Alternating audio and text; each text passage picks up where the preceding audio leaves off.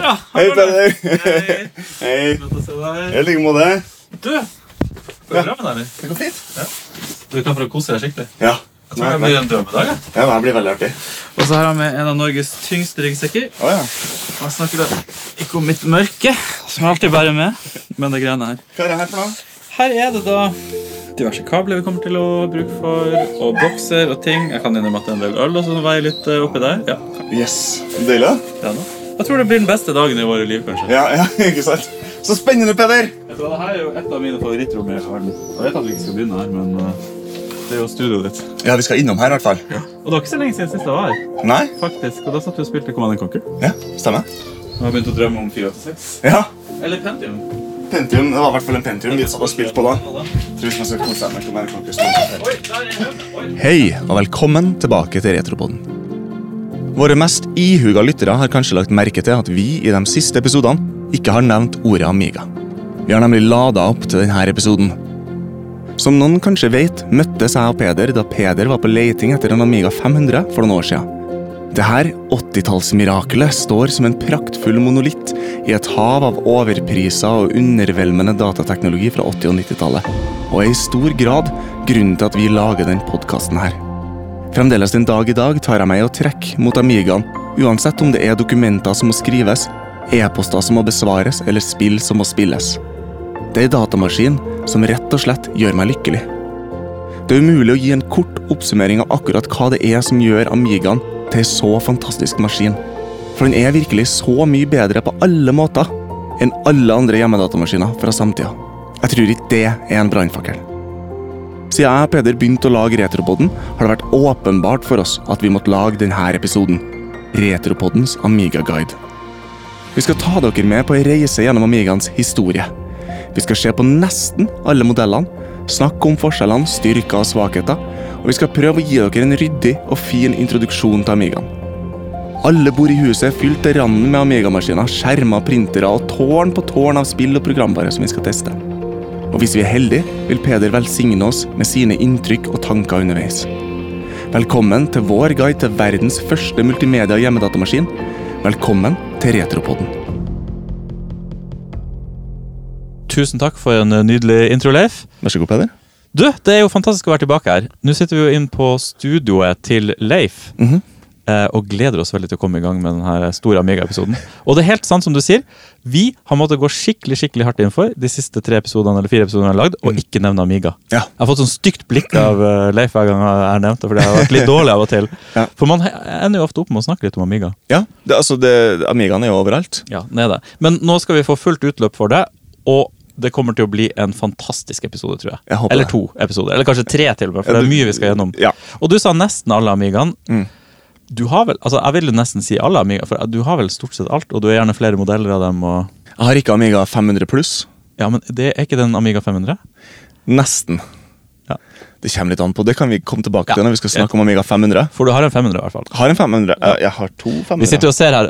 Leif har putta opp datamaskiner rundt omkring i hele huset. Han har kasta ut familien, som har dratt på en eh, ferie. Eh, Så da har vi hele huset til disposisjon, og vi har gått rundt her og kikka. Det er så mye artig, og det er så mye fint. Og vi skal prøve å gjøre det her litt organisert for en gangs skyld. Ja. Så hver eh, bolk om en, en ny maskin kommer til å ha en liten voice som introduserer når den kommer ut, og litt sånne ting. Mm.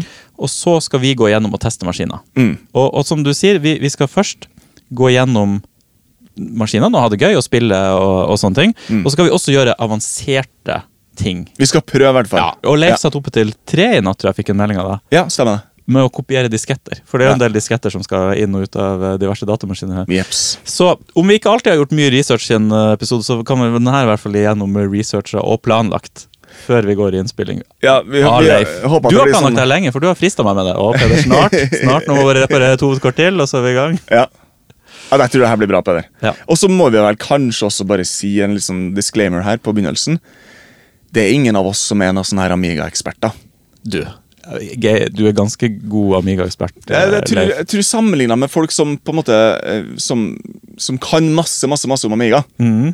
Jeg tror, altså, det her er ikke episoden der folk som kan masse om Amiga, skal lære masse nytt om Amiga. Men for alle andre sånn som meg, som er glad i Amiga, eller gamle datamaskiner generelt, så er det en episode for meg, for da kan jeg finne ut av Og det er masse artige er er historier og mye gøy. Ja, så Ja.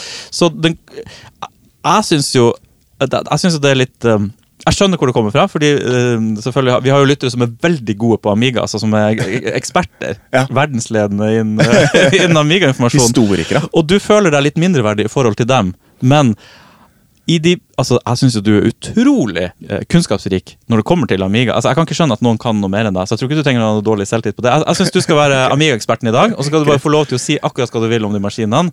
Om det ikke treffer akkurat 100% på om klokkespeeden på den eh, prosessoren var helt Altså, det har ikke så mye å si.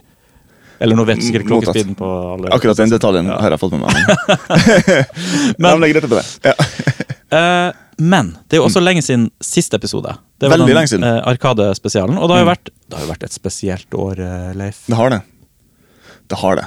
Nei, det har ikke vært så spesielt. Det har vært egentlig ganske det- vanlig det for har, meg. ja, synes jeg. nei, altså, jeg tror det har vært ganske spesielt. Ja. Men jeg tror kanskje at det har ikke påvirka oss like mye som det har påvirka en del andre folk. Nei. Bortsett fra at det har vært veldig vanskelig for oss å lage Retrobånd, eh. Vi har ikke fått møttes så mye. Det er det som er greia. Mm. Altså, folk flest som lager podkast, gjør det jo over nett. da. Ja. Men det orker ikke vi. Har gjort det én gang med den Ja. Diablo-episoden. Jeg syns det er så artig å treffe deg, Peder. ja, altså. At jeg synes Litt av moroa forsvinner når vi skal sitte i hver vår Når Ja. du skal ligge under dyna di, og jeg skal sitte inne på rommet Ja, her. må, ja, enig. Det er så mye artigere å sitte sammen, og i hvert fall når vi skal gå gjennom Amigaer. Og eh, Yes.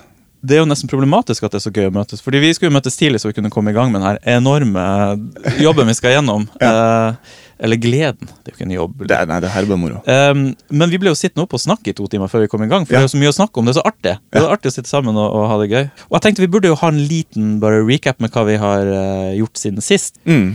Og vet du hva? Når jeg tenker på hva jeg har gjort siden sist, så er det én spesiell ting Mm. som dukker opp i hodet mitt. Og det er at jeg kjøpte en Xbox Series X. Ja, og det har du gjort også. det har jeg også gjort. Så Leif kjøpte den Det her er jo den nye Xboxen. Veldig komplisert navngivning på de her. Mm. Ja. Xbox Series X er den kuleste av de nye Xboxene. PlayStation 5 er jo helt umulig å få tak i enda, så vidt jeg vet. det. Så du kjøpte den sånn. Jeg trodde det var en sånn, sånn bare en drøm for meg å en gang skulle kjøpe det, for det her liksom virker så vanskelig å få tak i og få tiden til å spille. alt det der. Men du kjøpte det, og så ble jeg så frista, så da bestilte jeg en òg. Du ga meg noen gode tips man kunne få. Jeg fikk det faktisk på lille julaften. Kjempebra. Eller dagen før lille julaften. Så da hadde jeg mulighet til å sitte og game på den i jula, og det var dritartig. Ja. Så den er jeg veldig fornøyd med. si. Gratis. Ja. Er du fornøyd? Jeg jeg, Ja. Ja. Du er er en Xbox-gutt, du òg.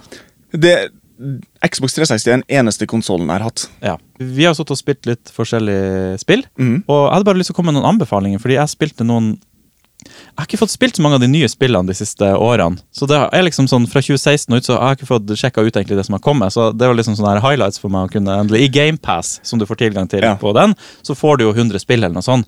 Og der er det mange av de nye bra titlene og sånne ting du kan spille. Så jeg hadde lyst til å nevne uh, Doom Eternal. Mm. Dritkult spill. Mm. Jeg, jeg, ble, jeg ble helt ekte og faktisk spilt gjennom det. Oi. Utrolig vanskelig spill. Ja. Et av de vanskeligste spillene jeg har spilt, men Vanskeligere enn Prince of Persia. Eh, det er et godt spørsmål, egentlig. Men eh, det, det, det er jo en ny Doom, på en måte. Og jeg syns det var så utrolig elegant gjort. Fordi Doom handla jo om å, å løpe rundt og skyte, men du kan jo ikke lage det spillet i 2016, sånn som du kunne i 1994. Mm. Eller 1992, eller når eneren kom ut. Um, så de, de har liksom tatt tanken at det skal gå fort, og det skal være gøy.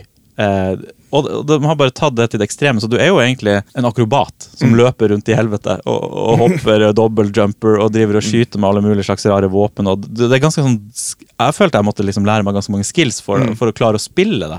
For det var liksom å huske å trykke sånn og sånn, og sånn, og sånn, og sånn så det ble liksom nesten som å lære å spille gitar Mm. etter hvert. Men utrolig motiverende når du da kommer deg videre og klarer det. Og, nei, jeg likte det veldig godt, faktisk. Mm. Har du noen favoritter på Xboxen? Jeg fikk jo et, en anbefaling fra deg, mm. som er What Remains of Edith Finch. Ja. Det var helt sinnssykt bra. Ja. Det er en av de beste spillopplevelsene jeg har hatt. ja. Eh, Men jeg trekker vel litt mot litt sånn trege, narrativdrevet spill generelt. ja. Og for så vidt også da rollespill og strategispill. Sånn treige spill, liksom. Ja. De er ikke så ulike. Mange sier jo du, Leif og Peder, er jo så ulike. Ja. Hvordan kan dere være venner? Vi er ikke så ulike. Vi er jo veldig like. Vi er faktisk veldig like i utseende. og Jeg, jeg, jeg, jeg likte det også veldig godt. Ja. Jeg er akkurat samme som deg. Jeg liker egentlig de narrativdrevne, rolige spillene. Mm. Eh, så det var helt rart at jeg skulle like Doom Eternal. Jeg bare, Å, får jeg det med Game Ja, Pass? jeg får teste sånn det. det, Nei, jeg vet det er mange som har gitt opp for det blir for vanskelig. Jeg bare Jeg likte også altså Edith Finch var en sterkere opplevelse, Ja. men det var bare så gøy at jeg Noen ganger vil man bare ha det artig ja. First person shooter. Jeg trodde jeg var ferdig med det, men Ja. plutselig var jeg i gangen. Men Edith Finch var jo dritartig. Det handler om eh, en person som utforsker et hus med utrolig mange rom. Mm. Og i hvert rom så får du spille slutten av livet. Det hørtes så trist ut at jeg nesten orka ikke å spille det, for det hørtes så, så tragisk ut. At du får spille slutten av livet til de forskjellige som har bodd der. Mm. Men det var ikke så tragisk. Det var mer Det er et par episoder som Ja. er eh, ordentlig hjerteskjærende. Ja. Men det, det er et hjerteskjærende spill. Ja. Så det er en, et, som en god dramafilm, eller Ja, det var si? en, sånn- en, en reelt eh, Uh, på en måte rørende spillopplevelse. Ja. Og dem er ikke så ofte at man får. Nei, og det var helt enig. Det var et av de beste Faktisk et av de beste spillopplevelsene jeg har hatt. Og det tar Mm. ikke lang tid. Eh, Det, det der har blitt min favorittsjanger. Du spiller gjennom det på kanskje fem timer, eller jeg vet ikke. Ja, jeg satt i natt, jeg. Ja, jeg tror jeg satt to kvelder og spilte det, og det Ja. var bare åh. Ja, det var kjempebra. Uh, og så har jeg for så vidt også spilt uh, litt Cyberpunk. Ja, For det får jeg kjøpt meg. ja, det husker jeg du gjorde. Eh, og jeg, jeg er ikke en av dem som har vært litt sånn hyped for det spillet. Mm. Uh, men jeg, jeg husker rollespillet. Det penn og, penn og papirspillet fra 90-tallet. At det var i butikkhyllene. At jeg drev og så litt på det, syntes det så kult ut. Men jeg spilte jo Dungeons Dragons, så det var ikke egentlig aktuelt å begynne å introdusere et nytt rollespill til den gruppa. Mm.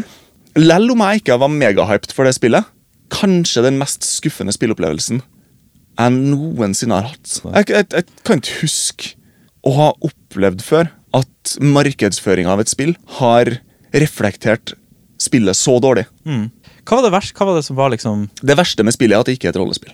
Ja, det var det at det var et first person shooter, ja. Ja, det, det er så, Jeg trodde det her var litt sånn Jeg var veldig overraska når du sa det, for jeg lurte på spillet som fikk mye kritikk, da. Fordi Mm. jeg tenkte at det var litt Fallout-aktig rollespillelementer, liksom. Nei, nei, nei. Nei. Nei, men det er veldig rart. Eh, Så de, de tingene som jeg la merke til når CD Projekt snakka om spillet, var jo da på den ene sida at eh, de skulle ha en stor, åpen verden med personer som, som levde sine egne liv, og, og at det var veldig avansert kunstig intelligens med der det var politistyrker som, som fulgte etter deg, og som fulgte med på hva du drev med. Altså, valgene du gjør, skal ha som, store konsekvenser for hvordan verden utvikler seg, og hvordan personer i byen møter deg. og sånne ting da. Men det er et førstepersons action-adventure-spill med bare et, et veldig stort bakteppe. Mm. Det er ingenting i den byen å utforske. Det er ingen personer å snakke med. Nei. Det er ingen som har noe å si i hele tatt. Du kan ikke påvirke livene til noen på noe som helst verdifull måte. Ingenting. Ja. Nei, jeg skjønte det bare var veldig skuffende spill. Du, Kan jeg komme med et siste spill som jeg likte? Mm. Veldig godt. Eh, vet du hva, Det følger en historie med der. Fordi noen av de episodene vi lagde på denne tiden i fjor, hadde jo jeg korona, eller var akkurat ferdig med korona. Mm. Tror du ikke jeg hadde en gang til? Jeg mener jeg er den første i. Norge som fikk det to ganger. Det, det er mange som står tvil om min første korona faktisk var korona. Jeg tror det var korona, altså. Men jeg fikk ikke teste meg, for det var ikke mulig. Men Nei. i romjula så begynte jeg å føle meg litt rar. Ja. Eh, og mista plutselig smakssansen. Så tok jeg en test, og tror ikke du jaggu meg hadde det. Ja. Så da måtte jeg jo, altså Den koronaopplevelsen var supersmooth. Nada okay. problemas. Beste koronaen jeg hatt. eh, by far. Og det ga meg også muligheten til å få gama ganske mye. Ja. Fordi da måtte kjæresten min og barnet i karantene, så de var sammen, mens jeg var litt syk, på en måte. Så jeg var isolert på kontoret da. Akkurat syk nok til å sitte sammen med dataspillene dine. Yes. Så sist jeg hadde korona, så fikk jeg jo muligheten til å spille gjennom en del gøye spill. Blant annet um, du anbefalte Dishonored. Ja, Dishonored. Kosa meg veldig mye med. Og nå fikk jeg da muligheten til å spille gjennom alle de her Xbox eh, Series X-spillene. Og uh, kanskje det gøyeste spillet jeg faktisk spilte av det, var et spill som heter Subnautica. Mm. Som jeg også ikke trodde skulle være et spill jeg likte. Det her var- er litt sånn Jeg skjønte ikke hva jeg gikk til først. Det føltes litt som Minecraft. Skjønner du hva jeg mener? At du skal drive craft, og det har aldri vært min greie. i det hele tatt. Men jeg bare begynte å spille det, og så liksom Legger du deg og sover på kvelden, så våkner du på dagen, så tenker du litt på det spillet. liksom. Åpner opp, spiller litt til. Ble jeg dratt inn i det. Plutselig satt jeg liksom tre-fire dager i, i strekk og bare spilte det. Ja. Veldig kult spill. Du er under vann og driver og utforsker en ganske stor eh, alien-verden som du har landa på. på en eller annen måte, og så er det en historie som Det er en veldig uh, lineær historie, faktisk. Man tror først at det her er bare sånn evig crafting og ingenting skjer, men det er en veldig lineær historie du følger, og så blir du ferdig med det. Og det spillet har også blitt hengende veldig igjen i meg. Okay. Når jeg lukker øynene, så er jeg i basen som er bygd under vann der og går og koser meg. Nei, jeg- anbefaler faktisk. Det er ganske Ja. varmt. Mm. Kult. Oi, nå ser jeg mikrobien her. Vet du hva? Det er så mye ting hos Leif at man kan egentlig bare starte et podkaststudio og bare sitte her dag ut og dag inn og snakke om bare det som er på det rommet jeg sitter på nå. Ja. Altså, det er Mac-er, G3, G4 Mac-er, mm. og altså, det er så mye. Men i dag skal vi snakke om Og der er G5 Mac. Er det? Har du en Intel også? Mm. Vet du hva? Det her er min drømmedag, Leif. Ja. Er det din drømmedag? Det her er, altså Jeg drømmer den dagen her hver eneste dag. Ja. jeg klarer ikke å vente med å sette i gang. Skal vi bare gå opp og begynne på Amiga 1000? La oss. Historien om Amiga begynner utrolig nok hos Atari. Ikke ei lang historie, faktisk ei så kort historie at det kan oppsummeres sånn som det her. Hadde ikke det vært for den visjonsløse ledelsen i Atari, ville verden aldri fått Amiga. Tidlig på 80-tallet bestemmer kretsdesigner og gudeskikkelse Jay Miner seg for å forlate Atari. Kort tid etterpå starter selskapet High Toro sammen med David Morse, og de begynner å designe ei spillmaskin. Spillmaskina er basert på 68 000-prosessoren til Motorola, og får kodenavnet Lorraine etter kona til David Morse. Prosjektet ble finansiert av tre tannleger i Florida, og noen snodige joystick-lignende greier som High Toro feiser ut underveis. Kort tid senere døpes High Toro om til Amiga Corporation. De begynner raskt å ansette folk. Bob Pariso blir sjefen for software design, og den første han ansetter er Carl Sassenrath, Robert J. Michael, Dave Needle og Dale Luck. Under intervjuet med Sassenrath skal Pariso ha spurt Sassenrath hva drømmejobben hans ville vært. Sassenrath skal ha svart og designe et multitasking operativsystem. Han ble ansatt på flekken. Sassenrath har senere fortalt at det bare var flaks at han i hele tatt dukka opp på intervjuet, for da Pariso ringte for å invitere han til intervju, hadde visst kona til Sassenrath blitt så provosert i løpet av den korte samtalen med Pariso at hun slengte på røret og eksklamerte 'Det er uaktuelt at du jobber for han tosken der'. Men Carl, som på den tida jobba for Hewlett Packard, hadde lenge gått og drømt om å lage et grafisk operativsystem, og tenkte at det ikke kunne skade å ta en tur for å se hva herre Amiga-tosken hadde å tilby. Amiga 1000 er det originale mesterverket. The Amiga. Arkitekturen var så revolusjonerende at den med små modifikasjoner overlevde i nesten ti år. Amiga 1000 har altså det originale Amiga-chipsettet. Populært kalt OCS for Original Chipset. Maskinen ble levert med 256 KB ram, men kunne utvides med 256 ram via en RAM-port under et lokk frempå maskinen. Den kunne utvides ytterligere med 8 MB ram, harddisk-kontroller, systemklokke eller lignende via en ekspansjonsslott på sida av maskinen. Prosessoren kjører i 7 MHz. Maskinen kan vise grafikk i mange piksel- og fargeoppløsninger, fra low-res 320 ganger 256 med 32 farger, eller 64 farger i extra half-bright mode, til high-res interlaced 640 ganger 512 med 16 farger. Men Amigaen hadde også det magiske ham-moduset, som kunne ha vist 4096 farger samtidig i Lores. Legg merke til at det er snakk om 1985 her, og ei maskin som bare kosta et par hundre dollar mer enn et eget grafikkort. Maskinen hadde også 8-bit stereolyd, med mulighet til å spille av fire kanaler med samples samtidig, og alt man må trenge av porter. Alt i alt var Amiga 1000 en revolusjon. Som Bob Pariso sa under avdukinga av maskina i 1985, det er vanskelig å være innovativ i en industri som har blitt dominert av én teknologi i så lang tid. Vi i Commodore Amiga visste at for å lykkes måtte vi være minst én størrelsesorden bedre enn noe noen noensinne har sett før. Vi har gjort det, og så tenkte vi hvorfor stoppe der? Operativsystemet som lanseres med Amiga 1000, er et multitasking grafisk operativsystem, og er sådan et av de første i verden som er til forveksling likt det vi i dag tenker på som et operativsystem. Og det ble lansert med en datamaskin som folk faktisk kunne ta seg råd til å kjøpe. Ok, Leif, og da sitter vi her. Hei.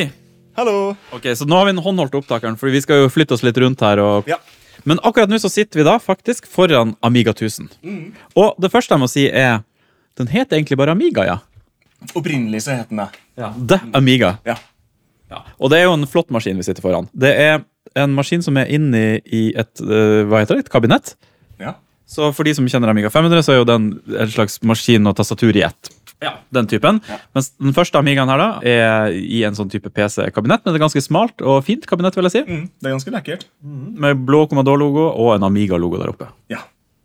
Tastaturet må vi jo begynne med. Ja. Skal vi trykke litt på? Mm. Dette har vi jo gjort i Amiga 1000-episoden òg, men det er en stund siden, så jeg kan ikke huske alt. Nei, det stemmer. Vi, vi snakka jo en del om tastaturet, da. Men det er jo et veldig veldig fint tastatur. Veldig godt. Mm. Mekanisk. Det har liksom den perfekte mellom at det ikke er for switchete switcher, og at det er ganske sånn myk touch. vil Jeg si. Ja. Den, det, jeg tror det her er litt grumsete. Jeg tror jeg skulle ha rensa de her switchene. Men så hardcore er ikke det. Ok, så maskinen er skrudd av. Bare begynn å se på tastaturet om det er noen artige knapper her. for det er det av og til. Du har jo Amiga-knappen. Mhm. Eh, Og det her er vel første gangen eh, den eh, har blitt sett. Og det er jo det samme som Windows-knappen i dag. Og så videre. Ja. Skal vi faktisk skru den på? Ja, det syns jeg vi skal gjøre. Du, Artig piltasse, forresten. De ligger Ja. rart, syns jeg. De er, litt, de er ikke helt greie å bli vant til. Men det er jo greit, fordi man hadde jo ofte joystick på Amiga. Ja. Men man, når man driver med tekstbehandling, og sånn, så merker man fort at man driver og trykker litt feil. Både med tanke på enteren, trykker ofte help isteden. Tastaturet har en litt rar layout. Men selve bokstavtastene de er helt uh, standard. Er det noe diskett i eller noe sånt? For jeg er spent på hvordan den første originale Amigaen ser ut når den booter, Ja. uten, å, uten å i. Det vil du dessverre ikke få oppleve. Fordi sånn som... Nå går jo min drømmedag i vasken her. ja, De fleste av mine maskiner har en eller annen form for oppgradering installert. Og Amiga 1000 opprinnelig, den hadde ikke kickstart. Ah, Så den buta bare til en Ja, eller egentlig til den du vant med, en sånn her diskett. Ja, den gjorde det. Men du er nødt til å sette i kickstarten først. så du må sette inn en diskett med, Ja, med kickstart. Så når du buta uten noe som helst, da skjedde ingenting, eller? Nei, da, da får du bare opp en sånn her diskett, sette i kickstart, liksom. Ok, Så du måtte sette i kickstart for at du kunne sette inn en ny diskett etterpå? å riktig. Okay. Men jeg har i hvert fall internt installert kickstart på Amiga. Riktig, Så nå når vi booter, da går vi rett inn i kickstart. Det vil si at du ser det bildet av den Jeg disketten, har ikke sant? også installert uh, ID-kontroller internt. Og 8 megabyte ram. Ok, Så den her er ganske pimpa. 8 megabyte ram, ja. Ja. Sitter du på en av verdens kjappeste Amiga 1000? nei, nei, nei. Eller høyeste Den her er ikke noe kjappere enn Amiga 1000. De oppgraderingene som er installert, er bare sånne her quality of life-ting. Så jeg syns det er veldig kjekt å ha harddisk på Amigaen, og Mhm. jeg synes det er veldig kjekt å ha ekstra ram. Og det som var enklest å få til for meg, det var bare å, å sette inn noen enkle greier Ja. internt i maskinen. Så vi kommer til å bute rett i Workbench. Du, Lite spørsmål for å skru på. Jeg bare beskriver det jeg ser. Det er jo en skjerm på toppen. En veldig fin Amiga 1081-skjerm. Mhm. Eh, klassikeren, som er den, den beige skjermen, som sitter veldig godt på den her. Mhm. Er den lagd? Er det originalen som fulgte, den med maskinen? Jeg, jeg fikk med den her da jeg kjøpte maskinen brukt, og han fyren som jeg kjøpte av, hadde jo da kjøpt maskinen da den var ny. Så jeg, antar at det var den skjermen her de anbefalte på butikken. Du har også en ekstra diskettstasjon. Så det her er diskettstasjonen til Amiga 1000 laga av Commodore. Å, så kult. Så her har vi originalt tastatur. Mm. Vi har en original maskin, det vil si den er blitt uh, pimpa en del. Vi har skjerm, og vi har ekstra diskstasjon. Så alt det her er. Og hvilket år kom den her ut, sa du? 1985. 1985, ja. Mm. Der er vi på gang. Der er diskrettstasjonen som begynner å reagere. Kan vi høre det? Skrur skjermen seg på. Åh, den er så flott, den hvitfargen. Amiga-hvit, vil jeg kalle det. Ja. Da vinner Workbench 1-3. Så Kickstart 1 og Workbench 1 kom sammen med Amiga 1000. Eh, og så ble vel uh, Workbench 1.3 ble vel lansert om, omtrent samtidig som Amiga 500. Ja, for det er jo min Workbench, kan man si. Ja. Ok, Så jeg kan si at det lyser fint og rødt på, eh, på Amigaen når den er på, og skjermen har også akkurat samme rød. Så det er et sånn gjennomgående fint design her. som det er tenkt Ja, ut. jeg syns de har gjort en ganske god jobb med, med vi se hardware. Capslocken også er rød Mm. Ja, så alle lys her er faktisk samme, samme type rød. Og Amiga-tastene er røde. Her er vi inne i Workbench Ja. 1.3. Okay, fint Og blått. Fint og blått. Jeg må si Musa ser annerledes ut enn det jeg kan huske, men det er kanskje bare fordi jeg husker feil. Jeg har uh, modifisert uh, musepekeren. Aha, Det er en slags 3D-musepek vi, vi får gleden av. Jeg synes den er litt lekker. Den. Det som er litt greia med Amiga 1000, er at uh, det var jo i utgangspunktet designa for å være en, uh, en spillmaskin. Det her er jo da forholdsvis tidlig på 80-tallet at de begynte det her designet. Og sånn som mange vet, så gikk jo spillindustrien gjennom en del problemer på tidlig 80-tall. 1982-83, der vi har det her spillkrasjet. Mm. Som vi omtalte litt i denne konsollepisoden vår. Og, og da ble det bestemt at de skulle gjøre om Amigaen til å bli en PC. Heldigvis så var det sånn at eh, Jay Miner, han som eh, er på en måte regna for å være faren til Amiga, han hadde alltid egentlig lyst til at det skulle være en PC. Eh, mens Dave Morse, som er den andre personen som var med og starta Amiga, han hadde lyst til at det skulle være en spillemaskin. Så det, det ble sånn slett i begge retninger. Så det å modifisere det til å bli en PC var forholdsvis enkelt. Men når de skulle ferdigstille designet, og når de, når de omsider ble kjøpt opp av Commodore, og de skulle faktisk ferdigstille, så var en del folk veldig opptatt av at man skulle eh, gjøre det så billig som mulig. Så Amiga 1000 er ganske vanskelig å utvide. Den har ikke noe interne ID-kontrollere eller SCSI-kontrollere. eller noe sånt sånt her. Du har en del porter på baksida, og så har du én port på sida her på maskina. Som alle sammen som har hatt en Amiga 500, kjenner til den side... Skal vi se, da. Ja. Ja, man kan ta av et sånn lokk her. Sånn. Eh, Sideporten på Amiga 1000 og på Amiga 500 den er mer eller mindre helt lik. ja. Uh, og den det er egentlig bare en forlengelse av hovedkortet. nærmest. Så det kom veldig mye kule utvidelser til den sideporten. Både på 500 og på 1000. Det er en sånn stor greie på Amiga 1000 da den ble lansert, var at du kunne sette i noe som de kalte for the sidecar på sida der. Som egentlig da i prinsippet gjorde at du hadde en IBM-kompatibel PC hengende på siden av Amigaen din. Oi. Så var det en full eh, 8088 PC. liksom. Altså, det var en annen prosessor, er det? Hele greia med I- ISA-porter og alt det grann som man kjenner fra PC-verden. Du hadde bare en T-maskin som du plotta i på sida. Liksom. Var, det må jo ha kosta veldig mye for det Ja, ja, kjempedyrt. Men det var en hel maskin. Hva var fordelen at du hadde liksom samme skjermutgang og sånn? Ja, da, da kunne du dele litt sånn ressurser mellom dem. og sånn. Ok, Så minnet kunne deles, eksempel? Jeg tror noe av minnet kunne deles. Jeg har aldri okay. sånn. Men det der med å ha sånn her eh, PC på et kort-greie, det har vært en ting som Commodore har drevet med hele veien. Så det her sidecar-påfunnet til Amiga 1000 var det første. Og senere så, så kom det til det som kalles for bridgeboards, som vi skal snakke litt om når vi ser på Amiga 2000. Men her har du en, en, hvert fall en sånn sideportutvidelse, der du kan sette i eksterne harddisker, SCSI-kontrollere, mer minne, alle mulige slags utvidelser. Men tilbake til din harddisk. Jeg har gjort det internt. Jeg har kjøpt en liten dings som en kis i Tyskland har laga, som du bare stapper på den socketen der prosessoren står. Og så gir den meg eh, 8 MB ram, ID-kontroller og kickstart. Ah, Så det er en fyr som har lagd én ting, som gir deg alt du egentlig Ja. Så den ligger mellom prosessoren og Og hovedkortet. Ja, Så prosessoren ligger oppå den igjen? på en måte Ja. Ok, Så det er en sånn Det er jo en veldig kul hack, da. Fin liten utvidelse. Ikke noe ekstra prosessorkraft, eller noe som helst, men man får vel kanskje litt, grann- litt grann mer ytelse med på 8 MB faststrøm. Disken er vel på 2 GB, tror jeg.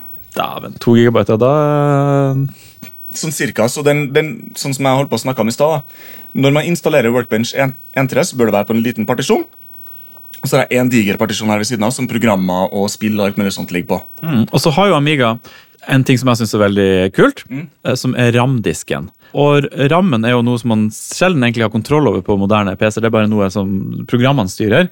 Men på Amigaen så har du, der du ser de forskjellige mappene på, en måte på, på desktopen, så har du øverst der ramdisk, mm. Og der kunne du putte ting, og da var det rett i rammen, så det gikk mye fortere å kjøre det. Det synes jeg er en genial idé som egentlig burde blitt videreført. Ja, det er ganske kult. Tenk deg på 90-tallet, de treige PC-ene. Nå begynner jo SSD-en å bli ganske rask. da. Og når du hadde en RAM-disk liksom, på 486-en din, hvor, hvor kjapt du måtte starte Altså, du måtte jo putte det inn der først, men, Ja, du måtte ta stappe inn i rammen. mm, men RAM-disken blir jo selvfølgelig wipa når du restarter. da. Så det er mange som hadde blitt uh, slitt med å miste dokumentene sine sannsynligvis på forum rundt omkring i verden. med, Hei, jeg la det på RAM-disken, hvordan kan jeg få det tilbake? Ja, det kan godt være. Så nå er den oppe og kjører. Kan vi teste én ting først? Ja. Uh, kan du få den til å snakke? Har ikke Workbench si? La meg se.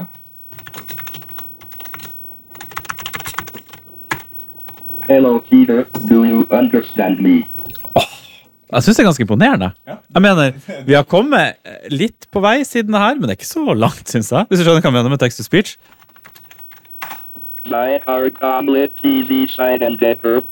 Ja, Den er ikke så god på norsk. Nei, den er ikke så god på norsk. Mm, ok, Så den kan snakke.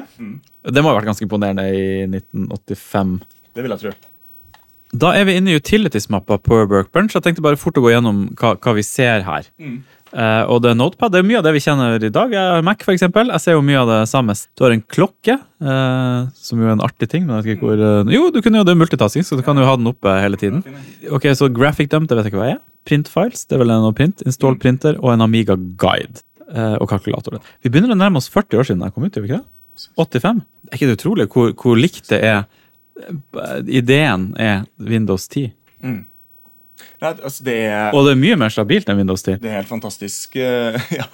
altså, det hadde jo vært veldig artig hvis de folkene som i utgangspunktet laga uh, Amiga OS, hvis de hadde fortsatt å utvikle det til langt ut på 2000-tallet. For å se hvordan det fungerte. Men Carl Sassenrath og en del av de andre folkene som var liksom arkitektene bak det her operativsystemet, de slutta rett etter at Amiga 1000 ble gitt ut. Det er jo da en sånn her historie som han Sassenrath forteller. Rett etter det ble gitt ut, så hadde han mange ideer til hvordan de kunne forbedre operativsystemet. Hvordan de kunne liksom begynne på neste arkitektur. da, Den neste store Amigaen. liksom. Og Da gikk han til ledelsen i Commodore og sa ok, nå har, her er det noen ideer. Og så var de veldig veldig lunken på det. Nei, nå har vi akkurat gitt ut en maskin. Vi kan ikke begynne å lage en ny en nå. Nå er vi sett liksom for noen år, så la oss bare, la oss bare lene oss litt tilbake og slappe av, og så ser vi hvordan det her funker. liksom. Og da skjønte han umiddelbart at det her, her er ikke noe fremtid. Du er nødt til å begynne med en gang. Altså, Det tok to år for dem å lage Amiga 1000. Uh, altså Ikke fra de begynte å drømme om hvordan maskinen skal være, men fra de liksom hadde skissen klar, til de hadde et eller annet som de kunne bruke. da. Og om to år så tenkte Sesam at da, da må vi ha en ny en på markedet. Og det hadde han selvfølgelig helt rett i. uh, men så har han slutta og gikk over til Apple. Oh, ja, riktig. ja. Så han tok ideene med dit, rett og slett. ja. Ja.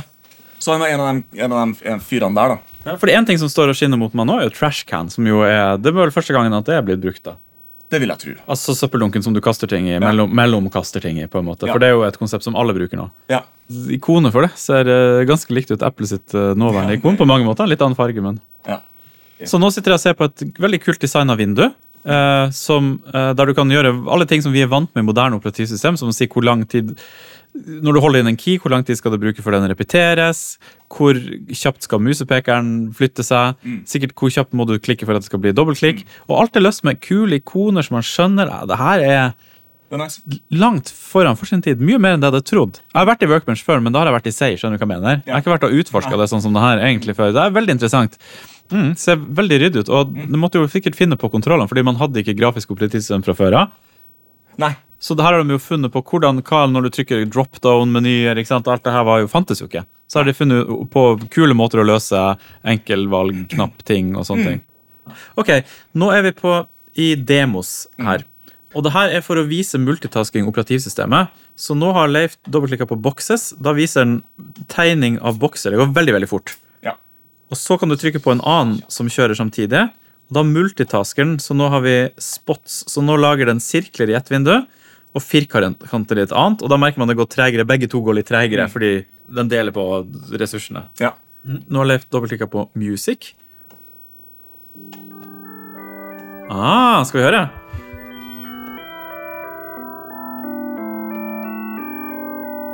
Nå får vi copyright claims uh, her.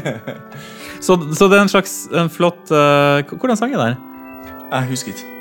Det er en kjent låt jeg har hørt mange ganger før. Og så er det en slags musikkvideo som følger med, hvor den tegner opp noen streker og, og linjer på skjermen. Det er ganske flott å se på. Det er fin. Ja, Du kan tenke deg i 1985, når man fikk den her hjem. Eh, og, og så kunne man se på TV-en, på en måte, men når TV-en tok slutt i Norge sånn i, 11-tida på kvelden, så kunne man trykke på music der og så se på en flott liten film og kose seg utover kvelden. Kanskje drikke litt rødvin. Kanskje vi skal gjøre det i kveld? Ja, kanskje det. Eh, kan jeg stille et spørsmål? Ja. Spill. Her er noen spill som jeg har installert nå, da. Du vet, Jeg har nesten aldri sett en harddisk på en Amiga før. Altså, Jeg har nesten aldri opplevd det her. Nei. At man har spillene ferdig, ferdig installert. Jeg har bare sittet der med masse masse disketter. Ok. eh, og trykket, så, så det her syns jeg er litt utrolig å se på, faktisk. Ja. Det er veldig, veldig veldig mange Amiga-spill som lar seg installere på harddisk. Senere så ble det ganske vanlig, men hvis man tenker at, at uh, Arkadespill, da tenker jeg på liksom action og plattformspill, og sånn, de lar seg typisk ikke installere. Men simulatorer, strategispill, alt mulig sånne ting, rollespill og sånt, det lar seg veldig ofte installere. Så uh, En del av spillene, det er mye klassikere jeg ser her. Benita Steel Sky selvfølgelig har du her. Syndicate er et av mine favoritter. Men det er ett spill som jeg trekkes veldig mot, og det er Populus. Vet du hvorfor? Uh, nei. Fordi i dag er det lørdag. Det har vært fint noen dager ute nå, men det har blitt veldig grått. Okay. Og når det er sånn her vær, og det er lørdag, da kommer jeg i et slags Populus-humør. Åh, Fordi jeg pleide alltid å spille Populus Når jeg tenker på Populus, så tenker jeg grå lørdag i Vadsø. Så skal vi bare kjøre i gang Populus med en gang, og se hvordan det kjører på en Amiga 1000? vi kan se om det Og det starta med en gang! Ja. Wow, det går veldig fort fra harddisk. Ja. Nå skal det sies at skjermen ble svart, men vi så den flotte Populus, og det var rett oppe Åh, den her maskina, den begynner jeg å like veldig godt. ja. Det er en veldig kul maskin. Riktig. Nå virker det som at Populus ikke klarte å starte. Populus har åpenbart eh, eh, Det funka ikke. Men det kan være Altså, det har jeg installert fra en av mine gamle disketter. Men uansett, Populus skal vi sitte og kose oss og spille når vi er ferdig å spille inn episoden. For da eh, er det jo tross alt lørdag og grått vær, så da tenkte jeg i hvert fall lyst til å ta en liten runde med deg. Og da har vi lasta inn Colonization. Et spill jeg aldri har spilt, må jeg innrømme. Ok. Det er en av eh, mine favoritter fra, fra denne epoken. da. Ja, jeg kjenner jo godt til konseptet. Det er jo uh, civilization, colonization. Det handler om å kolonisere verden. basically. Så jeg kan jo si at grafikken ser wow, dritsmooth ut. Mm. Wow, liksom. Det er kjempebra. Ja, Så nå er vi i en båt vi, vi kjører rundt. Vi har kommet til en uh, liten en ny by. En, Nå har vi oppdaga det nye kontinentet. ja. Er det Amerika vi har oppdaga? Ja, Da kaller vi den byen for eh, Sju. Enkelt og greit. Og så kan vi velge å gå i land, og det vil vi ha. Så jeg skjønner med en gang det her hadde jeg elska i 1985. Det er fra 94, tror jeg. Oh, ja, det er så nytt! Ja, så Det blir lagd for Amiga, da. Mm. og så funker det på Amiga 1000. Du, For en maskin. Jeg må si jeg er blitt veldig imponert over Amiga 1000 eh, når vi har kikket på den nå. Før vi beveger oss videre, er det noe du har lyst til eh, å si eller teste på den? før vi går til neste? Vi skal spille et spill fra diskett. Bare for artighets skyld. Ja, Så nå har Leif satt inn en diskett. Jeg vet ikke hva det er. Vi kan høre en loader. Og der er vi inne i Tylon Simulations. Hva er det her for noe? Skal vi se. Wow, det ser fantastisk kult ut. Oi, er det i 3D, eller? Det her er No Second Prize. Det er et motorsykkelspill. Ah, ok, Så det er et motorsykkelspill. Nå så jeg en motorsykkel kjørt forbi her. Grafikken er litt sånn Trond-aktig. Ja. Så det er kanskje litt sånn basert rundt det. Det er et spill jeg aldri har hørt om eller testa. Nei. Ja. Ok, da skal vi prøve å spille litt, og så skal vi snakke om hvordan spillopplevelsen var etterpå. Ja, Peder, hva syns du om spillet? Jeg synes det her var dritkult. Det her er da et 3D motorsykkelspill. Det minner litt om eh, et, et mer kjent spill det minner om er Stunt Car Racer. I grafikken til dels, men det er mye, mye, mye smoothere. Eh, Mye høyere framerate. Så du styrer faktisk motorsykkel med musa, og du kan ligge i svingene og sånne ting. Det her var veldig, veldig imponerende, må jeg si. Det her var ordentlig, ordentlig kult. Det kjører faktisk glatt på en Amiga 1000. i Ja. til Stunt Car Racer. Og jeg vil si det her er et spill som jeg kunne sittet og kost meg ganske masse med i dag. altså. Det er noe med grafikken og gameplay som er rart ikke har hørt om det. egentlig. Det burde være en klassiker der. Så imponerende spill, og da har vi vel kommet dit hen at vi er ferdig med Amiga 1000. Ja, nå går vi videre til Amiga 500. Det føles jo som et ran, for det er så mye mer å si om maskiner, men det er så mange andre maskiner vi har lyst til å snakke om. Og det er spesielt et spill jeg har lyst til å spille på neste maskin. Ja. Men det skal vi snakke om når vi kommer til Amiga 500. Amiga 500 ble lansert et par år etter Amiga 1000, og var Commodores forsøk på å gjøre Amigaen mer tilgjengelig, billigere og enklere å utvide. Maskinen kom med 512 KB ram standard, og kunne utvides med ytterligere 512 KB bak et lokk under maskinen. Den hadde også en sideport som Amiga 1000, hvor man kunne mose inn ytterligere utvidelser. Alt fra prosessorkort, SCSI eller ID-kontrollere, eller mer ram. Kickstart kom i form av en chip på hovedkortet, så det var ikke lenger nødvendig å bruke diskett for å laste kickstart. Utover det her var maskiner i hovedsak lik en Amiga 1000. På de to årene siden lanseringen av Amiga 1000 hadde også prisen på eget skjermkort gått ned. Men var det én ting ingeniørene hos Commodore virkelig var gode på, så var det å få ned prisen på ting. Og igjen var Commodore konkurransedyktig med et eget skjermkort på pris. Da har vi flytta oss ned. Vi var oppe i stua i sted, og nå har vi kommet ned på kontoret. vil jeg kalle det, her hos Leif. Her er barnerommet. Og det første jeg må si, er det er et perfekt Amiga-vær. Altså, Det er det beste Amiga-været vi kunne fått. Det regner litt ute, og så er det litt sånn sol som kommer av og til. Det var veldig grått og trist tidligere i dag, men nå er det jo fint. Ja, men det er, jeg er tilbake i Vadsø. Akkurat Vadsø ja, akkurat som jeg var været hele tiden. Og det føles helt utrolig å sitte her nede foran en Amiga 500. Mm. Og jeg bare kjenner noe bruser i blodet mitt. Dette er jo min barndom jeg sitter og ser på nå. Ja. Den vakreste maskinen som mennesker har bygd. Ja. Er, du, er du enig? Ja, det, ja, på mange måter. Jeg syns at det er den mest imponerende datamaskinen noensinne. Ja.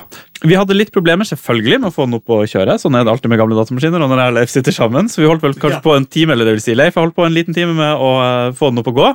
Men nå kjører den som bare det. Ja da. Det var kabelen til floppy diskettstasjon. Det var kabelen, faktisk. ja. Jeg trodde det var floppyen. eh, Jeg var sikker på det en stund der. Så bare for å ta utseendet på det her først. da. det her, mens den forrige maskinen var jo inni et kabinett, var mer en sånn type PC Tower, eller kanskje ikke Tower, men ja, så er det her all in one. Så her er det én boks med alt i. Den er litt moda fordi du har en egen strømforsyning som du har fått bygd. Ja, det, jeg vet ikke om det var forrige episode eller den før det, så drev jeg og snakka om at eh, Commodore 128 min har dødd. Og da sendte jeg strømforsyninga til en fyr som heter Ray Carlson i USA. Og jeg tok kontakt med han og lurte på om han hadde mulighet til å bygge en PAL Commodore 128 strømforsyning til meg inni den strømforsyningsboksen som sitter internt i Commodore 128. Det kunne gjøre, noe problem bare send den boksen, så skulle han ordne. Og mens han gjorde det, så fant jeg ut at eh, frakta kom til å bli utrolig dyrt. Og da tenkte jeg greit, da kan jeg bare få han til å bygge noe mer til meg. Så det her er rett og slett en strømforsyning som har mulighet til å gi strøm til Commodore 64, Commodore 128, en sånn 1541 diskettstasjon til Commodore-maskinene, en VIC-20, en Microbee og en Amiga. Alt sammen i én. Ja, Så en veldig god og stabil strømforsyning. det som Ja. er. Så den ødelegger ikke maskina di. Nei, den er, den er veldig pålitelig og, og bra bygd. da. Og den ser ganske kul ut, faktisk. Ja. Synes jeg egentlig. Det er Store, digge switcher. Så jeg kan jo si Amiga 500 her, som skurer over oss. Den er jo Tastaturet jeg var sammenligna det med det på Amiga 1000. Og tastene er ca. like store, men de har en litt annen touch. Kan du gå og hente en Amiga 500 som står borti kroken her, Peder? ikke så overraskende så har Leif en Amiga 500 til liggende bak her. Ja. som vi ikke har koblet opp. Den er litt mer gul, men det her er den originale din Amiga 500 fra back in the days. Riktig. Så Så setter jeg den på fanget mitt, og da ser jeg at den har et annet tastatur igjen. ja, det her er det original, det her er det Amiga 500-tastaturet som folk flest kjenner til. Ja, det er litt for soft for min del. Ja, Det er veldig mushy, og Ja. det er ikke et spesielt bra tastatur. Du kan jo høre på tastelyden når jeg trykker. Hører, så fint ut. Skal vi prøve den andre, se om vi hører. Ja. Det er en ganske annen lyd. Litt mer klikke, litt mer mm, diggere motstand. Det her er tastaturet som er eh, som det vanligste Amiga 500-tastaturet som folk kjenner til. Det er et Mitsumi-produsert hybrid-tastatur. Så det har sånne gummiswitcher, på en måte.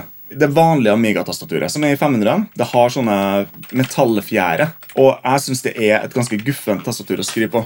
Noen av de første Amiga-modellene som ble levert til Norge, de hadde et helt annet tastatur som er det som står i den andre maskinen her. Og det er et high-tech-produsert mekanisk tastatur. Det er mitt all-time favorittastatur. Mm, jeg må si jeg liker det veldig godt. God motstand, og det er ikke noe gulende heller. Du har kanskje... Nei, det er, det er en annen plastikk det er bygd av, så det blir ikke kult.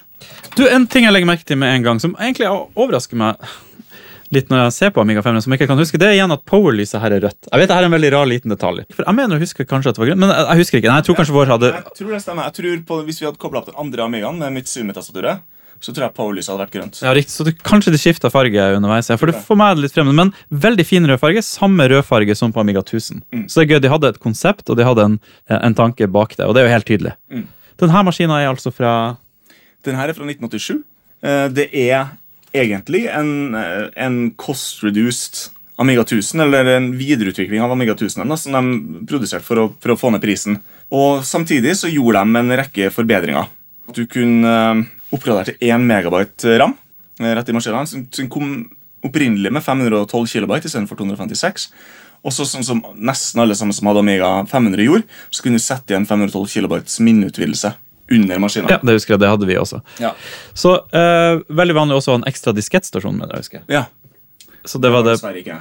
Nei, men det var det, det, sånne vanlige per, perhapsils? Perhapsils? Jeg vet ikke hvordan man sier det ordet. Peripherals. Så flink du er engelsk. Um, Piltastene ligger mye bedre her, Ja. så her kan man faktisk bruke dem litt mer. Veldig bra tastatur, ja. ja, det er super nice. Du, sola skinner på oss, og vi sitter her med en Amiga. Kan livet bli bedre? Nei. Det kan bli litt bedre, for vi kan sette på et spill. Um, så jeg hadde bare lyst til å vise deg, Leif, eller lytterne, da, Ja. Uh, styrken på den her. Og det syns jeg er spilling, altså. Fordi Ja. her er det, du, du kommer inn i, i Kickstarter-rom, det er bare bilde av en diskett. eh, Putt inn en diskett. Så vi eh, putter nå inn Galaga. Mm. 92, er det dette? Ja. Som er et arkadespill, egentlig, som mm. Og det, var, det er det som er med Amiga, det er så masse spill. Du har jo lass på lass på lass med disketter her, med masse artige spill. Mm. Eh, og vi skal jo gjennom mange maskiner, skal vi ikke drøye for lenge på Amiga 500. Og den er jo ikke så ulik Amiga 1000 som vi akkurat var på, på mange måter. Nei. Eh, men vi skal sitte her og kose oss og spille litt, i hvert fall. Og, te og teste noen ting. Så jeg skal bare kjøre på Galaga, og så ser vi hvordan det går. Mm. Ok, Da har vi lasta inn den. Det gikk relativt fort. Ja, det, For det er jo en kjapp maskin, så ja, nå bare skal du holde den her, så kan jeg se. Og det jeg merker med en gang er, nå, nå bruker vi jo en Commodore monitor. Mm. En annen. Det var et veldig fint bilde, den. Kunne man spille rett på TV-en og sånne ting òg? Ja, ja, ja. Ok, så, så her er spillet inne. Grafikken ser nydelig ut. Det er dødssmooth. Joysticka bare føles helt riktig. Det er veldig snappy. Det er bare Det er så nice å spille på det. Mm. Altså, det, det er det det er laget til. Det, det føles litt som når jeg kjøpte Switchen. Og du skrur på Switchen, du merker åh, knappene er digge, spillene funker, alt er bare smooth. Det er den følelsen jeg får når jeg setter meg ned med Amiga 500. ja. Er du enig? Amiga 500 er helt perfekt. Ultimate spillmaskin, samtidig som man også kan lage grafikk i Deluxe-spent. Og andre ting. Mm. Det er to forskjellige typer ram på Amigaen. Det er chip-ram, og så er det fast-ram. De her eh, minneutvidelsene som sitter på sida her, det er fast-ram-utvidelser. Og den som du plugger under på Amiga 500, det er chip-ram-utvidelse. eh, sånn i bunn og grunn, i hvert fall. Eh, og ofte når et Amiga-spill sier at det krever 1 megabyte ram, så er det chip-ram det er snakk om. Så det er en del spill som funker på Amiga 500 som ikke funker på Amiga 1000. Ja, riktig. De spillene som krever 1 megabyte chipram. Fordi det får ikke du til på Amiga 1000. Det går ikke an. riktig. Med mindre man har noe sånn superfancy eh, utvidelser. Jeg sendte jo deg en melding i går kveld når du satt og lagde disketter. For det var ett spill jeg kom på som jeg hadde demoen til når jeg var liten. Ja. Som jeg aldri har spilt full versjon av. Og det er et spill som heter Colorado. Ja. Og nå vet jeg at du sitter jo på et enormt arkiv av Amiga-spill og programmer. Du har vel kanskje alt som fins? Nei, det tror ikke jeg, men det er, det er jo det her Tosek-arkivet som heter, som, som har prøvd å liksom berge det aller meste. da. Man finner det meste der. Ja. Så, det er et arkiv du har lasta ned? da? Nei, bare du, Altså, Du henter ned det du vil når du vil? ja. Ja. Det Er det også masse nettsider der du kan finne hva som helst. ja, ADF-filer og Ja. kopiere over. Så da fikk du tak i Colorado, faktisk. Mhm. Så nå sitter vi her med disketten til Colorado halvveis inn i Amigaen. Mhm. Er vi klar for det her? Er jeg klar for det her? Ja, altså, det vet ikke jeg noe om. Ja. Men jeg har spilt fullversjonen av Colorado mange ganger. Oh, ja, du har det? Ja, ja, jeg hadde Colorado altså på kopidiskett da jeg var liten og, og syntes det var ganske kult. Og så spilte jeg det igjen for en, ja, kanskje en fire år siden. eller noe sånt. Så jeg er litt spent på hvordan du kommer til å reagere. da. La oss prøve å se om det funker. da. Ja. Får vi håpe disketten funker. Ja, det er ikke noe garanti. Oi, oi, nå kjenner jeg det kribler i magen her. Eh, det er tydeligvis krekka. Og det er ikke originalen. det er stort sett bare krekkspill på Amiga. De man henter ned, vel, ikke det? Ja, det er stort sett det. Ok, nå er det en liten uh, intro her, faktisk, med litt lyd. Silmarils. Mhm. Er det de som lagde spillet? Det stemmer. Ok, da fader ut, og her ser jeg for første gang i mitt liv Altså, den skjermen her har jeg sett mange ganger før, da, men bare i demoversjon. Ja, Men nå vet jeg når jeg trykker på knappen, så får jeg lov til å oppleve mer enn det jeg fikk før. ja. Nå får du den fulle eh, opplevelsen av Da vil jeg takke André Roques og Louis Marie Roques, som er forfatterne bak spillet. Mm. Hva nå enn det betyr. Forfatter. Og, og stikka er altså så digg. Det her er jo en um, klassisk Amiga Zip-stick. Zip-stick det. Det er vel kanskje min favoritttype stikk. Ja. Og du hører bare hvor snappene, knappene bare funker. Det er nice, altså. Ok, Colorado ser jo ut som det har med cowboy-indianere å gjøre. Så loadinga nå er litt politisk ukorrekt, kanskje, men det er noen indianere som danser rundt en diskett. Ja, altså, Verden var annerledes på 80- og 90-tallet. Det er ikke noe tvil om. Ja. Så nå ser jeg da skjermen som jeg har sett så mange ganger før, i demoen, men nå vet jeg at hele spillet ligger bak her. Så jeg ser en mann som sitter i kano og svømmer nedover, og, og kanoerer nedover Colorado-elven. Mm. Og loadinga er ikke så ille, egentlig. Nei, det må jeg jo si at jeg har lagt merke til når vi har sittet med, med Amiga 1000 og Amiga 500 nå. At, eh, jeg, så for meg at det skulle være en eh, tålmodighetsprøve å sitte og laste spill fra diskett.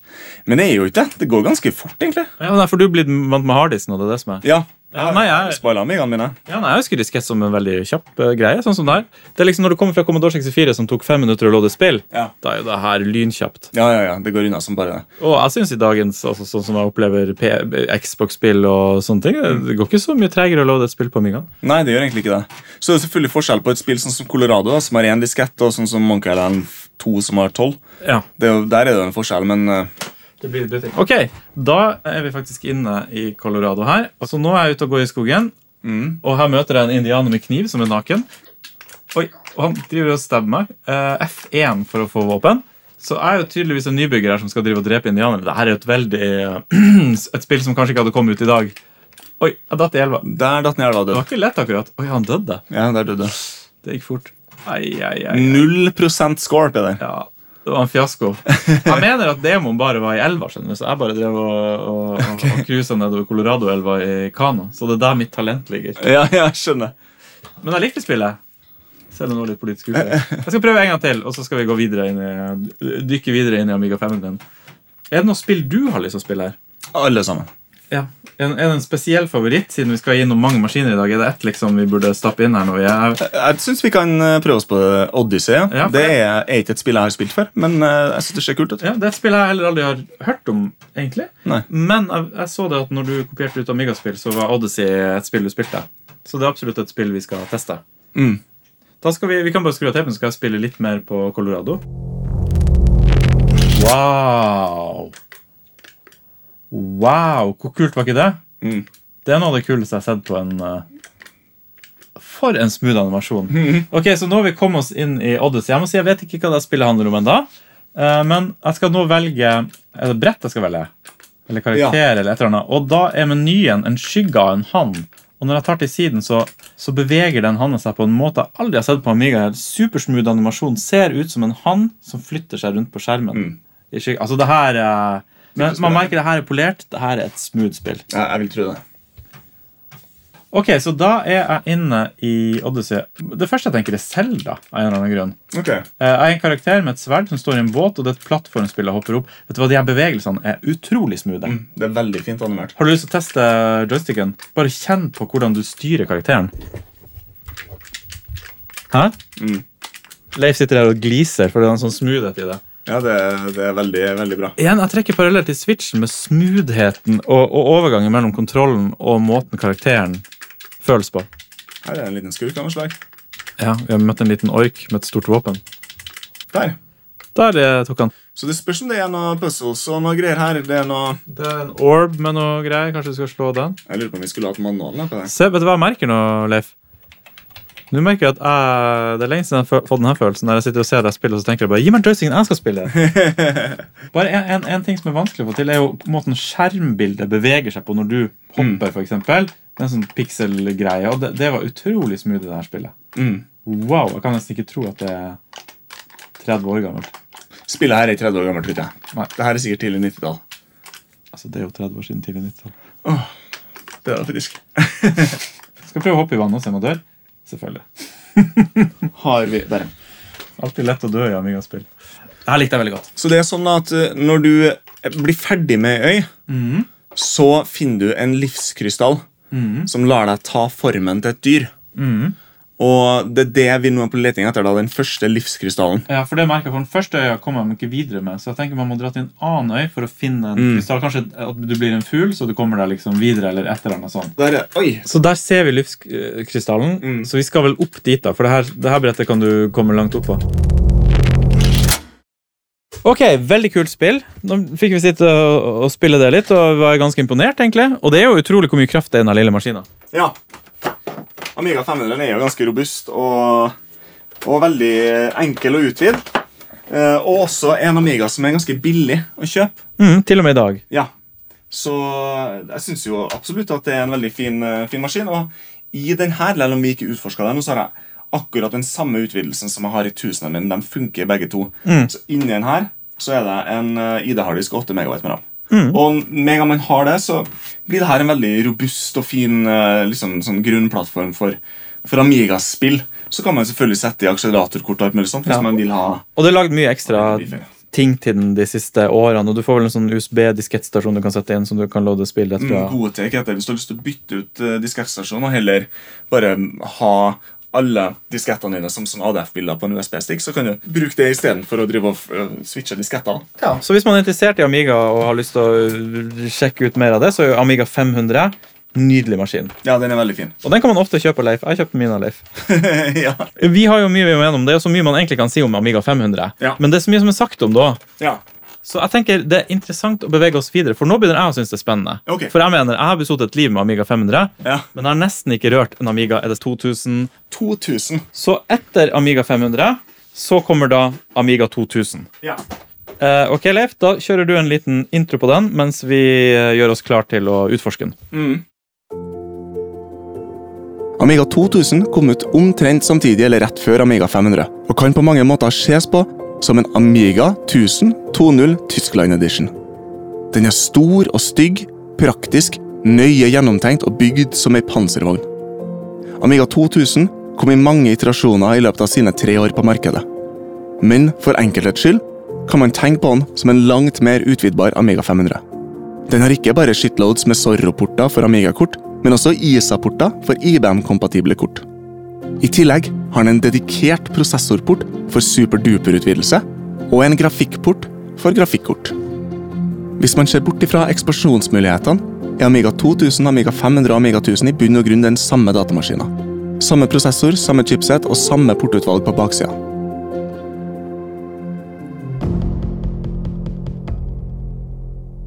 Ok, Leif. Takk for en informativ uh, liten eh, voice der, som gjør at vi henger med. Så jeg, jeg blir jo forvirra av tallene. 1000, 500, 2000 Jeg trodde kanskje at 600 kom etter 500. Amiga 600, altså. Sånn som du er nødt til å tenke på Det Det er egentlig ikke så fryktelig forvirrende. For vi har Amiga 1000, 2000, 3000, 4000. Det er Big Box-versjonene kronologisk. Og så har vi Amiga 500, 500 pluss, 600, 1200. Og det, og det er fordi de er innebygde maskiner? Ja, det er de kalle det? Ja. Og de eh, korresponderer sånn generasjonsmessig med Big Box-maskinene. Så vi har Amiga eh, 1000. Den står litt for seg sjøl. Men Amiga 500 og 2000 er i all hovedsak den samme maskina. Ja. Eh, og Amiga 600 og 3000 er kanskje litt feil å si at det er den samme maskina, men det er på en måte den samme generasjonen. ja. Og Amiga 1200 og 4000 er på mange måter den samme generasjonen. da. Ok, jeg skjønner. Det oppklarer det ganske mye for meg. Ja. Men nå er vi altså på 2000, Ja. og året 1987. Amiga 500 har allerede kommet ut. Ja, eller Amiga 500 kom vel ut kort tid før, eller er det der? Ja, men det er samme tid. Ja. Og, og denne maskinen ble utvikla i Tyskland og ikke i USA. Ja, den, den begynte utviklinga i Tyskland. Og når jeg sier den her og peker ned, så peker jeg egentlig ned på en maskin som Leif akkurat åpna, for vi skal begynne med å se inn i maskinen. Ja. Jeg kan bare si, altså Utseendet på maskinen før man har tatt av lokket, er PC. Det er en stor, robust, tung, pen PC. ja, Det er jo kontroversielt å si at den er pen, da. Ja, ok, så 2000 er ikke pen. Nei, den er Altså, Det er noe, mastado- noe fint mastodon. Altså, jeg syns en 286 kan Ja. være ganske pen. En stor, tung 286. Ja. Så jeg syns det er noe pent over den, selv om Amiga 500 er mer elegant. Så er den her en mastodon, men den er tydelig, den er tung. Jeg liker den. Amiga 1000 er på en måte et elegant amerikansk design. Med alt, alle de upraktiske tingene som det medfører. Mens Amiga 2000 er helt åpenbart Altså Jeg føler i hvert fall at det er veldig tysk. Ja. Det er god plass, den er enkel å jobbe i, den er lett å skru fra hverandre. Det er masse rom til kabler og til utvidelser. Det, Hvis man har lyst på en Amiga-modell som er ekstremt robust, lett å utvide, lett å jobbe med lett å få til å funke, så er den beste Amigaen å kjøpe. ja. Det er en Amiga 500 på veldig mange måter, men den er kjempelett å få til mer ram på. For nå står vi sikkert inne i maskinen her. Ja. Og eh, maskinen har veldig ryddig og veldig god plass. Veldig Så det er masse ekstra slots her som man kan fylle inn ting med. Eh, og du har to kort i. Ett. Et kort, og så er det en harddisk? Eller er det mm. samme kortet? Ja. Ah, så det er veldig veldig lange kort. Mm. Ok, så, så i motsetning til kort jeg er vant med for tiden, kanskje, så er det her kortet 30 cm. Det er like bredt som hele maskinen. Ja, riktig. Det her er en SCSI-kontroller Med en harddisk på. med en harddisk som sitter fast på kontrolleren, og 8 megabyte ram. Oh, ok. Mm. 8 megabyte ram, ja. Ja. Men, men var det her noe du fikk i, i 1987? ja. Så du fikk 8 megabyte ram i 1987? Ja, eller Det var jo ganske bananas å ha 8 megabyte ram. Den som står her nå, den sto i maskiner som folkehøgskolen min har brukt til filmproduksjon. Ja. Men da var det 4 megabyte ram igjen. Så det, kortet kommer derfra, eller? Ja. Så om de kjøpte kortet her i 87 eller ikke, det vet ikke jeg. Det står sikkert en dato på det. Kan hende at det her ble produsert i 1990, eller noe sånt, så det vet ikke jeg. Men du, du fikk kjøpt SCSI-kontrollere med en gang Amiga 2000 kom. Og bare for å ta SCSI SCSI var en, en harddisk-standard, eller en standard for å overføre data, eller noe sånt? Det er en sånn peripheral-standard, egentlig. Jaha. Så det, det er ikke bare Det er altså Jeg kan bare-. Jeg bare husker SCSI harddisk som en kjapp harddisk, liksom. Er det, er det Ja. riktig? Det er riktig. Så SCSI eh, som et grensesnitt har mange fordeler eh, sammenlignet med IDE.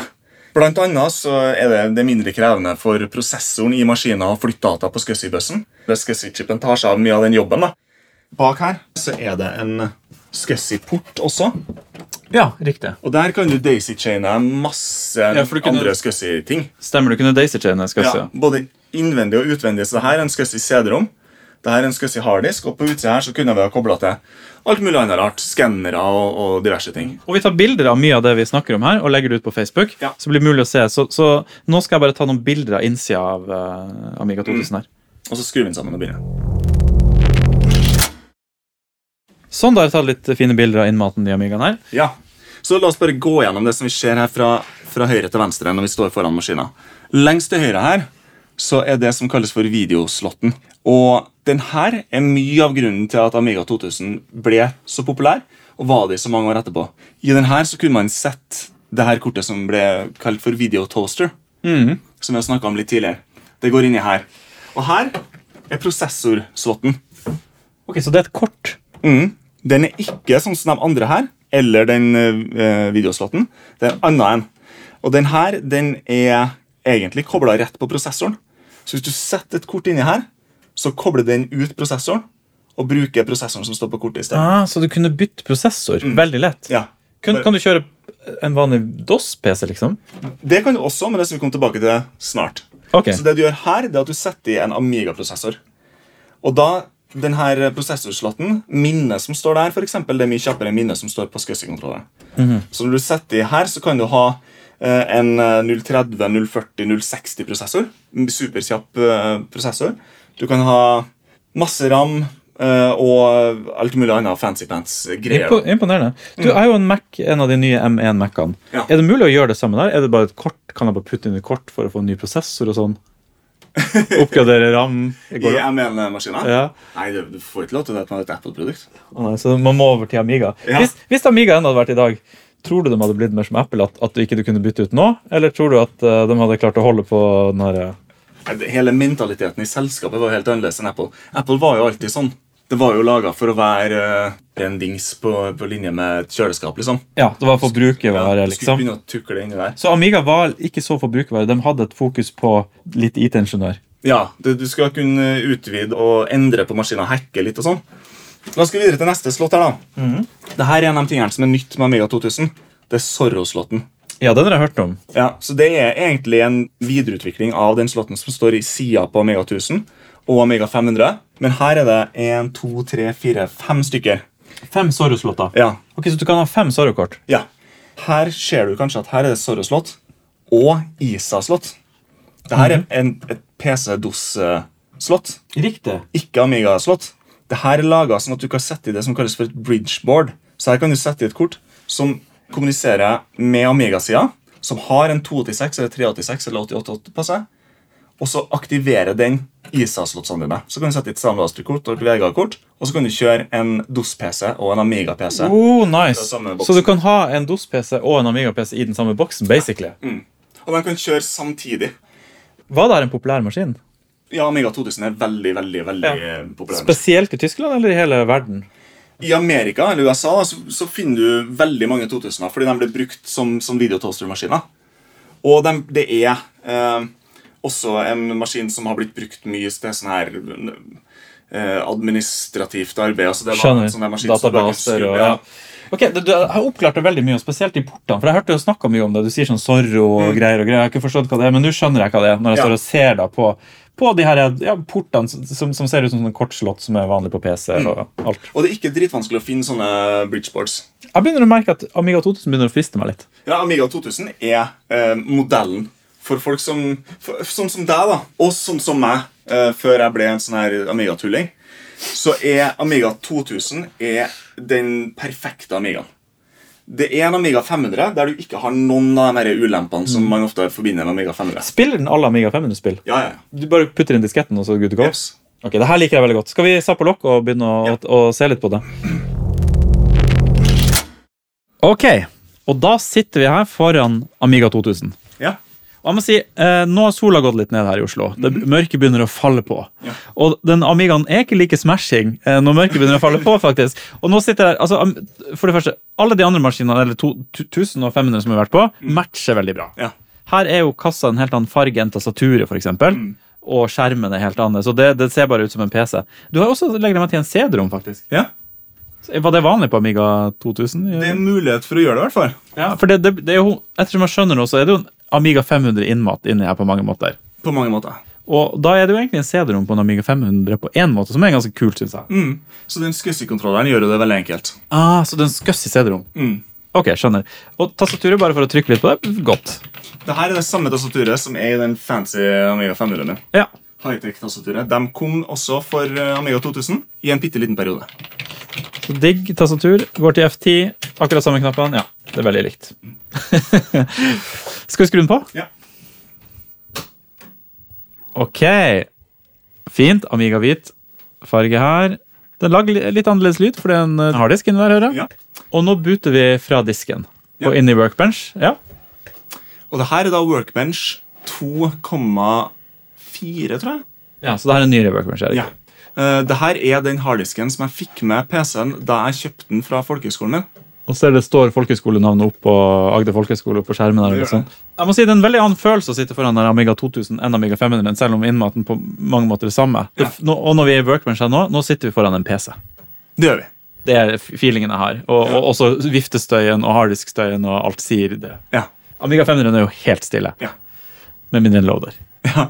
Og vi er inne i workbenchen. Jeg har ikke sett denne workbenchen før. Eh, så jeg ser jo at den har vokst opp, kommer mer utilities, mer eh, greier, rett og slett. Mm. Tror du de som kjøpte den, også spilte på den, eller var det mer sånn nei, den skal man jobbe på, liksom?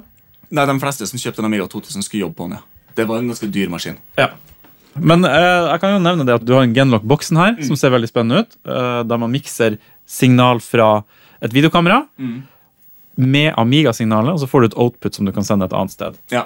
Så da kan man mikse sammen. Det hadde vært veldig spennende å se. Altså. Mm. Vi dreiv og sleit mellom forrige maskinene her med å få genlock opp og, og gå. og Vi fant ut vi mangla en kabel. Mm. For Vi hadde en drøm, og vi hadde med et kamera, alt mulig, så vi kan filme oss sjøl. Og så kunne vi ha fått sånn overlay på Amigaen. Og vi kunne ha lagd en nyhetssending, vi to. Ja, altså- Breaking news!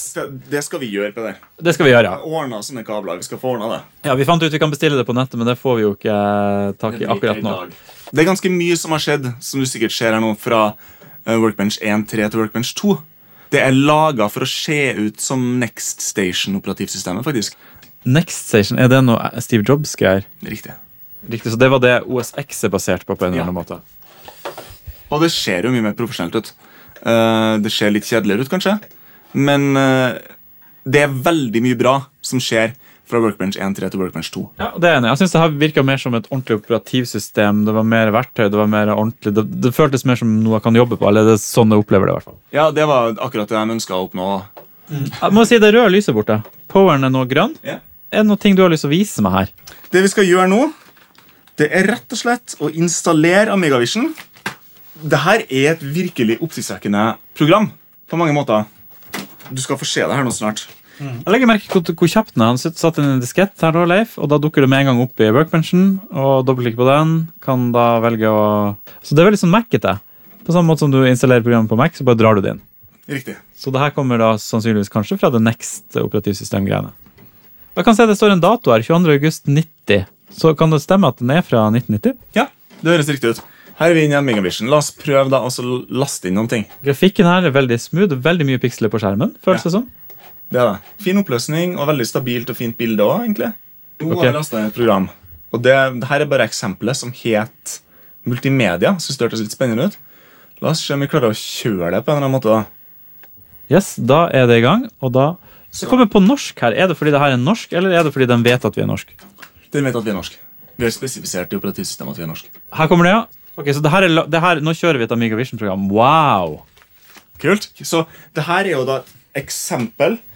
Eh, noe som Commodore har laga for å demonstrere AmigaVision. Så her ser vi et, en tegning av et uh, kamera på skjermen. Ser veldig high def og fett ut.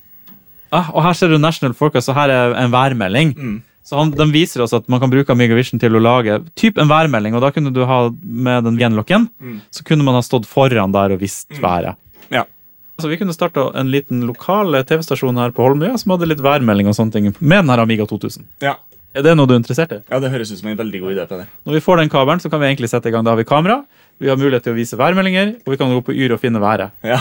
Så da har vi egentlig det vi trenger, pluss noen nyhets og litt sånn breaking news av og til. Så nå er vi tilbake igjen i, i menyen, og, og vi så på graphics. Det var utrolig imponerende. Tydelig at vi kan drive en, en TV-kanal med det her. Skal vi sjekke animation? Absolutt.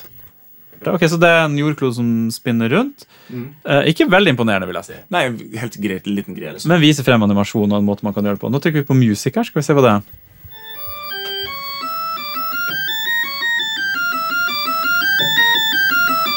Må jo si, Det var ikke en veldig imponerende musikkdemo, i og med at den støtter veldig mye mer kanaler enn bare én.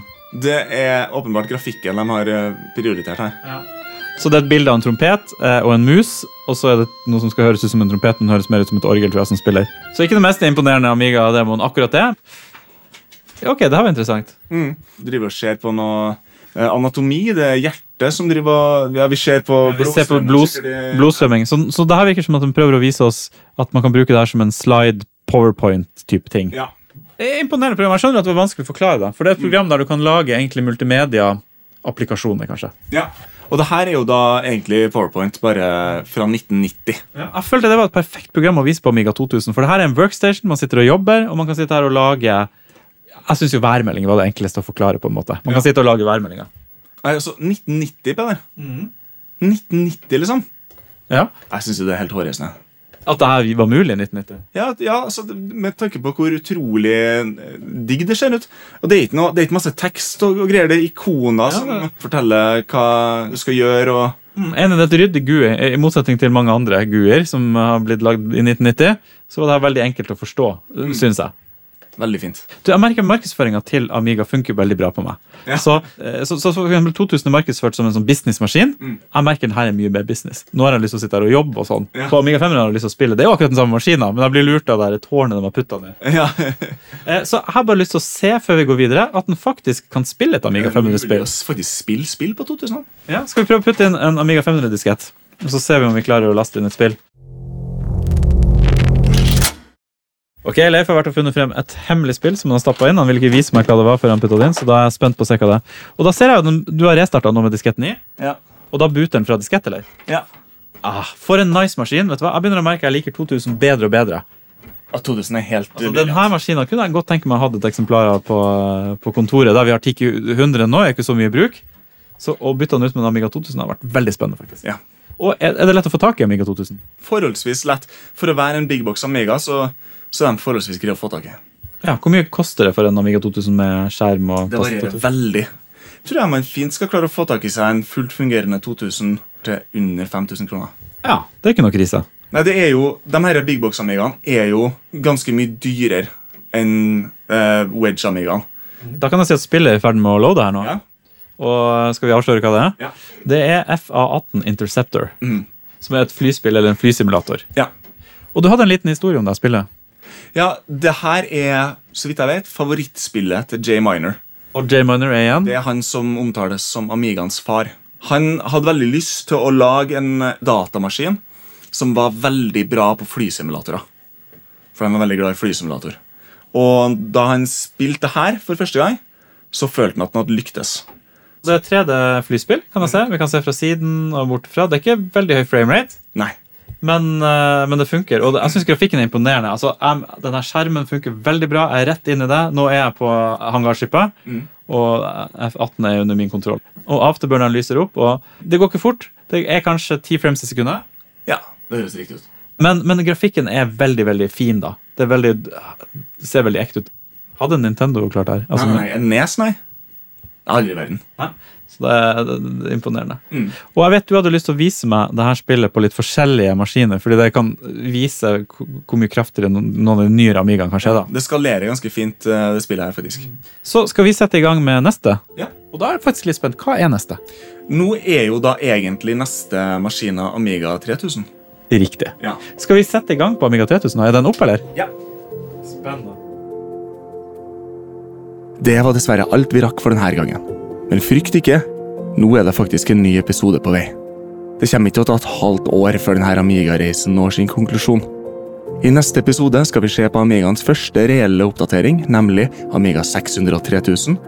Og vi skal se nærmere på Amigaens eksplosive implosjon med Amiga 1200 og 4000. Klarer vi å få alle maskinene til å funke? Får vi faktisk testa noen kule spill? Eller blir det bare et par obskure halvkalkuner? Hvordan er det å surfe nettet på en Amiga 4000?